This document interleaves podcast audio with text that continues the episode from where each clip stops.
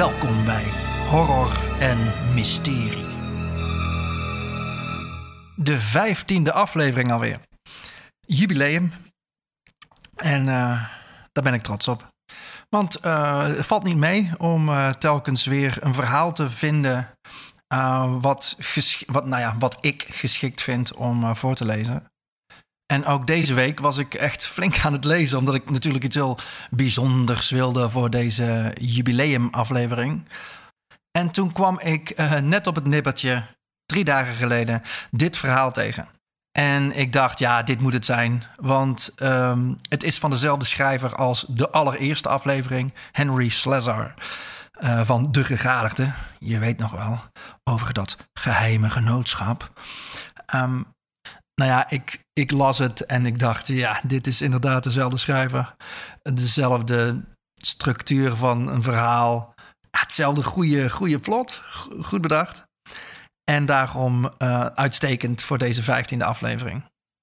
Het heet Krekwakwauw. Nee, nee, zo heet het eigenlijk niet. Uh, de Engelse titel is The Right Kind of House.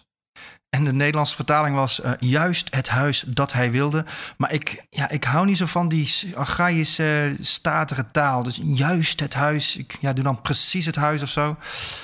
En uh, toen dacht ik, ja, het is gewoon krek wauw. Waar, waarvan ik eerst dacht dat het een Brabants ding was. Dat, uh, je weet wel, die huizen met een bordje met dat woord erop. Maar het blijkt dat dat in heel Nederland voorkomt. die term op een bordje op je huis. Dus ik dacht, deze titel wordt het.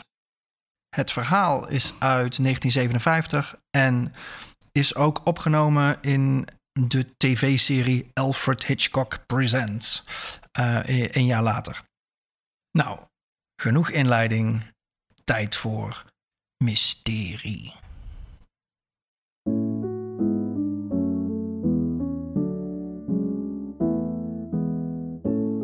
De auto die voor het makelaarskantoor van Aaron Hacker stopte, had een New Yorks nummer. Het was eigenlijk niet nodig dat Aaron het kenteken van de auto zag om te weten dat de eigenaar ervan een vreemde was in hun kleine stadje. Het was een rode cabriolet. Zo'n auto had hij nog nooit in de buurt gezien. De man stapte uit. Marga, zei Aaron tegen het verveelde meisje aan de enige andere schrijftafel. Er stond een pocketboek tegen de schrijfmachine en ze zat dromerig op iets te zuigen. Ja, meneer Hekker? We schijnen een klant te krijgen. Moeten we niet doen of we het razend druk hebben? Hij vroeg het vriendelijk. Oh, natuurlijk, meneer. Ze glimlachte, schoof het boek weg en zette een nieuw vel papier in de machine. Wat zal ik tikken? Doet er niet toe, doet er niet toe. Aaron fronsde zijn wenkbrauwen. Het bleek werkelijk een klant te zijn. De man ging regelrecht naar de glazen deur en hij had een opgevouwen krant in zijn rechterhand. Aaron beschreef hem naderhand als zwaar gebouwd. Maar eigenlijk was hij gewoon dik.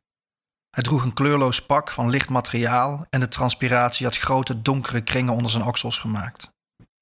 Hij leek ongeveer vijftig, maar hij had nog een mooi hoofd met zwart krullend haar. Zijn gezicht was rood en bezweet, maar de kleine ogen waren helder en kil. Hij kwam binnen, keek naar de ratelende schrijfmachine en knikte toen tegen Aaron. Meneer Hekker? Tot uw dienst, glimlachte Aaron. Wat kan ik voor u doen? De dikke man zwaaide met de krant. Ik zocht uw adres op in de rubriek makelaars. Oh ja, ik plaats iedere week een advertentie. Ook in de Times, zo nu en dan. Veel stadsmensen hebben interesse in zo'n klein stadje als dit. Meneer Horst zei de man. Hij haalde een witte zakdoek uit zijn zak en veegde zijn gezicht af. Warm vandaag. Buitengewoon warm, antwoordde Aaron. Het is hier niet dikwijls zo warm hoor. Normaal gesproken is het hier in de zomer zo'n 24 graden. We hebben hier het grote meer, snap je? Niet waar, Marga? Het meisje was te druk bezig om hem te horen. Wilt u niet gaan zitten, meneer Horst? De dikke man nam de aangeboden stoel en zuchtte. Ik heb hier rondgereden ik wou de plaats een beetje verkennen voor ik hier bij u kwam. Een aardig stadje hoor. Ja, wij houden ervan. Sigaar? Hij deed een kistje op zijn bureau open. Nee, dank u. Ik heb niet veel tijd, meneer Hekker. Ik, uh, ik wil u graag direct zeggen wat ik zoek. Uitstekend, meneer Horst. Hij keek naar de bezige schrijfmachine en fronste zijn voorhoofd. Marga? Ja, meneer Hekker? Hou eens op met dat lawaai. Oh, ja, meneer Hekker. Ze legde haar handen in haar schoot en keek naar de zinnen zonder betekenis die ze haastig had getikt. Nou, zei meneer Hekker. Hebt u al een huis gezien dat u bijzonder aanstaat, meneer Horst? Om u de waarheid te zeggen, ja. Een huis aan de rand van de stad. Tegenover een of ander oud gebouw. Ik weet niet wat het is. Eh, verlaten in ieder geval. Cool huis, zei Aaron. Was het een huis met pilaren? Ja, dat is het. Is het bij u opgegeven? Ik dacht dat ik een bord met te koop zag, maar ik weet het niet zeker. Aaron schudde zijn hoofd en lachte even. Ja, het is bij ons opgegeven. Hij bladerde in een map en wees op een getikt blad. Het zal u niet zo lang interesseren, denk ik. Waarom niet? Hij draaide de map om. Hier, lees zelf maar. De dikke man las. Authentiek, koloniaal, acht kamers, twee badkamers, centrale olieverwarming, grote veranda's, aangelegde tuin met geboomte, dicht bij scholen en winkelcentrum. 75.000 dollar. Nou, wil je het nog? De man draaide wat heen en weer in zijn stoel. Ja, waarom niet? Mankeert er iets aan? Kijk, Aaron wreef langs zijn voorhoofd. Als u zich hier werkelijk wilt vestigen, meneer Horst, dan heb ik allerlei huizen die ik u veel beter kan aanraden. Ho, uh, wacht eens even. De dikke man keek verontwaardigd. Wat is dat nu? Ik kom hier voor dat huis met de pilaren. U wilt dat toch verkopen, of niet? Of ik het wil verkopen? Aaron lachte even. Meneer, ik heb dat huis al vijf jaar in de boeken staan. En ik zou het dolgraag willen verkopen. Maar dat is me tot nu toe nog niet gelukt. Wat bedoelt u? Ik bedoel dat u het ook niet zult kopen. Dat bedoel ik. Ik hou het huis in mijn boek alleen om die oude mevrouw Grijers te helpen. Anders zou ik het al lang geschrapt hebben. Daar kan je van op aan. Ik begrijp u niet. Dan zal ik het uitleggen. Hij nam een sigaar, maar speelde ermee en stak hem niet op. Die oude mevrouw Grijers bood haar huis vijf jaar geleden te koop aan, toen haar zoon stierf. Ze droeg mij op een koper te vinden. Ik was niet blij met die opdracht. Nee, oh nee. Ik heb er dat ook ronduit gezegd. Het huis is eenvoudig eh, niet waard wat ze ervoor vraagt. Het is niet eens 10.000 waard. De man slikte. Tien? En zij vraagt 75? Juist. Vraag me niet waarom. Het is een echt oud huis. Oh, en ik bedoel dan niet een van die solide oude huizen die onverwoestbaar zijn, hè? Ik bedoel oud, oud. Nooit wat aan gedaan. Een paar balken zijn verrot, de kelder staat vol water, de eerste verdieping is wel 25 centimeter uit het lood gezakt. En die aangelegde tuin, dat is een wildernis. Maar waarom vraagt ze dan zo'n hoge prijs? Aaron haalde zijn schouders op. Dat moet je niet aan mij vragen. Sentiment? Het is sinds de revolutie in de familie geweest. Misschien is dat het. De dikke man keek naar zijn schoenen. Wat jammer, zei hij. Wat jammer. Hij keek Aaron aan en lachte schaapachtig. En het huis stond me zo aan. Het, het, was, ja, hoe moet ik het uitleggen? Precies het huis wat ik zocht. Ja, ik begrijp wat u bedoelt. Het is een vriendelijk soort van huis. Een goede koop voor, nou ja, misschien 10.000. Maar 75? maar ik begrijp oude Sally wel. Ziet u, ze heeft niet veel geld. Haar zoon onderhield haar. Die deed grote zaken in de stad. Maar toen hij doodging, begreep ze dat het verstandig was het huis te verkopen. Maar ze kon er natuurlijk niet toe komen om er afstand van te doen. Dus toen vroeg ze zo'n hoge prijs dat niemand erover zou denken om het te kopen. Zo kon ze zich niks verwijten, snap je? Hij schudde droevig zijn hoofd. Ja, je hebt eigenaardige mensen, hè? Ja, ja, zei meneer Horst afwezig. Toen stond hij op. Weet u wat, meneer Hekker? Als ik eens naar mevrouw Grijers toe ging, als ik eens probeerde of ze haar prijs niet wil verlagen. U bereikt niks, meneer. Ik heb al vijf jaar lang geprobeerd. Wie weet, misschien als iemand anders. Aaron Hekker spreidde zijn handen uit. Ja, wie weet. Onze lieve Heer heeft rare kostgangers. Als u de moeite wilt nemen, dan verleen ik u graag mijn medewerking. Goed, dan ga ik er nu heen. Dan bel ik mevrouw Grijers op en zeg dat u onderweg bent. Horst reed langzaam door de stille straten. De bomen die langs de lanen stonden, wierpen koele, gevlekte schaduw op de kap van de motor.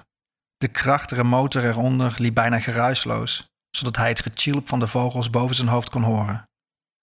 Hij bereikte het huis van mevrouw Grijers zonder een enkel ander voertuig tegen te zijn gekomen. Hij parkeerde zijn wagen bij het vervallen hek van houten palen dat als een rij schildwachten het terrein omgaf. Het grasveld was een en al onkruid en mos, en de kolommen die de voorgalerij schraagden waren begroeid met klimplanten. Er was een klopper aan de deur. Hij klopte er twee keer mee.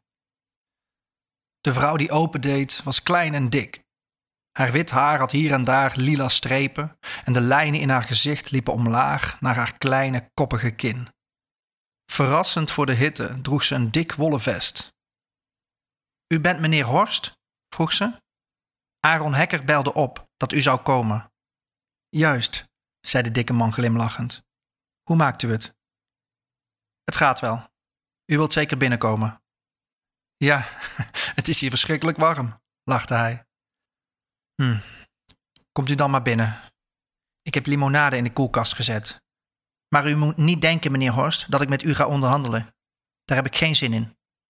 Nee, natuurlijk niet, zei de man, en hij volgde haar het huis in. Het was er koel en donker. De gordijnen waren ondoorschijnend en dichtgetrokken. Ze gingen een vierkante kamer in met zware ouderwetse meubels die fantasieloos tegen de muren waren geschoven. De enige kleuren in de kamer waren in de verschoten tinten van het tapijt dat in het midden van de kale vloer lag. De oude vrouw ging naar een schommelstoel en zat daar doodstil, haar gerimpelde handen gevouwen. En, zei ze, als u iets te zeggen hebt, meneer Horst, zou ik voorstellen dat u ermee voor de dag komt. De dikke man schraapte zijn keel. Ik ben net bij uw makelaar geweest, mevrouw Grijers. Ja, ja, ja, dat weet ik wel, zei ze bits. Aaron is een idioot. Zeker om u hierheen te laten komen in het idee dat ik wel van gedachten zou veranderen. Daar ben ik te oud voor, meneer Horst. Ik, uh, ik weet niet of dat eigenlijk mijn bedoeling was, mevrouw. Ik dacht dat we dat we gewoon samen konden praten. Ze leunde achterover in de schommelstoel. Praten kost niks. Zeg maar wat u wilt. Ja. Hij veegde weer zijn voorhoofd af en stopte de zakdoek maar half in zijn zak. Kijk, laat ik het zo uitdrukken, mevrouw Grijers. Ik ben zakenman. En vrijgezel. Ik heb mijn hele leven gewerkt en goed verdiend. En nu wil ik me uit de zaken terugtrekken. En het liefst ergens waar het rustig is. En dit stadje staat me heel erg aan. Ik was er een paar jaar geleden op weg naar, uh, naar, naar het zuiden. En toen dacht ik, hier zou ik wel willen wonen. Oh ja? Ja, en toen ik dus vandaag hier door dit stadje reed en dit huis zag, ik, ik hou gewoon van oude huizen. En het is ook nog aan de rand. En de bomen in de tuin, het, het is gewoon precies wat ik zocht. Ja, ik hou ook van mijn huis, meneer Horst. En daarom vraag ik ook een goede prijs. Horst knipperde even met zijn ogen. Een goede prijs? U zult moeten toegeven, mevrouw, dat een huis als dit tegenwoordig niet meer mag kosten dan. Hou op! Schreeuwde de oude vrouw. Ik zei toch, meneer Horst, dat ik geen zin heb om hier de hele dag met u te zitten onderhandelen. Als u mijn prijs niet wilt betalen, nou, dan kunnen we er verder wel gewoon over zwijgen. Maar mevrouw Grijers, goedendag, meneer Horst. Ze stond op en verwachtte van hem klaarblijkelijk hetzelfde. Maar hij bleef zitten. Wacht, wacht, mevrouw Grijers. Wacht even, alstublieft. Een ogenblik. Dit, dit is bespottelijk, maar. Oké, oké. Mevrouw Grijers, ik zal u geven wat u vraagt. Ze keek hem een hele tijd aan. Bent u daar heel zeker van, meneer Horst? Weet u, mevrouw, soms voel je het gewoon. Dit huis, deze plek, het is echt te veel geld. Maar ik denk dat ik er voor altijd spijt van zal hebben als ik het niet doe. En ik heb geld genoeg. Als dit de enige manier is, goed, dan krijgt u uw zin. Ze glimlachte flauw. Poeh, dat wordt dan het einde van een tijdperk. Oh, ik denk dat uw limonade nu wel koud genoeg is. Ik zal even een glas voor u halen en dan zal ik ook eens iets over dit huis vertellen. Hij bette zijn voorhoofd toen ze met het blad terugkwam. Hij dronk gretig van de koele gele drank. Dit huis, zei ze en leunde achterover in haar stoel, is sinds 1802 in mijn familie geweest. Het is 15 jaar daarvoor gebouwd. Ieder lid van de familie, behalve mijn zoon Michael, is in de slaapkamer boven geboren. Ik was de enige rebel, voegde zij er schertsend aan toe. Ik had moderne ideeën over ziekenhuizen. Haar ogen glinsterden. Ik weet dat het huis niet zo geweldig solide is. Nadat ik met Michael thuis kwam, was er een overstroming in het souterrain en we hebben het daarna nooit meer goed droog kunnen krijgen. Aaron zegt dat er ook termieten zijn, maar die beestjes heb ik nog nooit gezien. Ik, ik hou van dit oude huis. Begrijpt u wel? Ja, natuurlijk, zei Horst. Michaels vader stierf toen Michael negen was. Het was niet gemakkelijk voor ons. Ik deed wat naaiwerk en mijn vader had mijn klein jaargeld nagelaten, waar ik nu nog steeds van leef. Michael miste zijn vader, misschien meer dan ik. Hij groeide, ja, moet ik zeggen, losbandig op. De man lachte even, begrijpend. Toen hij van de middelbare school kwam, ging Michael hier vandaan, naar de stad. Tegen mijn zin, vergist u niet. Maar hij was als zoveel jonge mensen vol ambitie, ongerichte ambitie. Wat hij deed weet ik niet, maar het moet wel geslaagd zijn. Hij zond me geregeld geld. Haar blik werd bezorgd. Ik zag hem in negen jaar niet terug. Ach, zei de man zuchtend. Ja, het was niet gemakkelijk voor mij. Maar toen Michael thuis kwam, was het nog veel moeilijker. Want toen hij kwam, was er iets gebeurd. Oh, wat dan? Ik wist niet of het ernstig was. Hij kwam midden in de nacht aanzetten en hij was zo mager en hij zag er zoveel ouder uit. Ik kon mijn ogen niet geloven. Hij had geen bagage bij zich, alleen een klein zwart tasje. Toen ik het van hem wou overnemen, sloeg hij me bijna. Mij, zijn eigen moeder. Ik bracht hem naar bed alsof hij weer een kind was. Ik hoorde hem midden in de nacht schreeuwen. De volgende dag zei hij dat ik even weg moest gaan. Een paar uur maar. Hij moest iets doen, zei hij. Hij vertelde niet wat. Maar toen ik die avond terugkwam, was het kleine zwarte tasje verdwenen. Horst keek verbaasd over de rand van zijn glas. En wat betekende dat? Nou, toen begreep ik dat niet. Maar ik kwam er al gauw achter. Afschuwelijk gauw. In die nacht kwam er een man in huis. Hoe hij binnen is gekomen weet ik niet eens. Ik merkte het pas toen ik stemmen in Michaels kamer hoorde. Ik ging naar de deur en luisterde en probeerde erachter te komen in wat voor moeilijkheden mijn jongen was geraakt. Maar ik hoorde alleen geschreeuw en dreigementen en toen. Ze zweeg en ze boog haar hoofd. Een schot. Een pistoolschot. Toen ik in de kamer kwam, zag ik dat het raam wijd open stond en dat de indringer weg was. En Michael lag op de grond, dood. De stoel kraakte. Dat was vijf jaar geleden. Vijf lange jaren. Ik begreep niet direct wat er eigenlijk gebeurd was. Maar de politie vertelde mij later hoe het in elkaar zat. Michael en die man waren bij een ernstig misdrijf betrokken. Ze hadden duizenden, duizenden dollars gestolen. Michael was er met dat geld vandoor gegaan. Hij wilde alles voor zichzelf houden. Hij verstopte dat geld toen ergens hier in dit huis. En vandaag de dag weet ik nog steeds niet waar. En toen kwam die andere man. Zijn gedeelte van het geld opeisen. En toen hij merkte dat het geld verdwenen was, schoot hij mijn jongen dood. Ze keek op. Daarom bood ik het huis te koop aan. Voor 75.000 dollar. Ik wist dat de moordenaar van mijn zoon op de een of andere dag terug zou komen. Op een dag zou hij dit huis willen kopen. Tegen iedere prijs. Ik hoefde dus alleen maar te wachten tot de man kwam die zo'n hoge prijs wilde betalen voor het huis van een oude vrouw. Ze schommelde langzaam heen en weer. Horst zette zijn lege glas neer en likte zijn lippen af. Zijn blik kon zich niet meer concentreren en zijn hoofd bewoog machteloos heen en weer. Ugh, zei hij. Wat was die limonade bitter.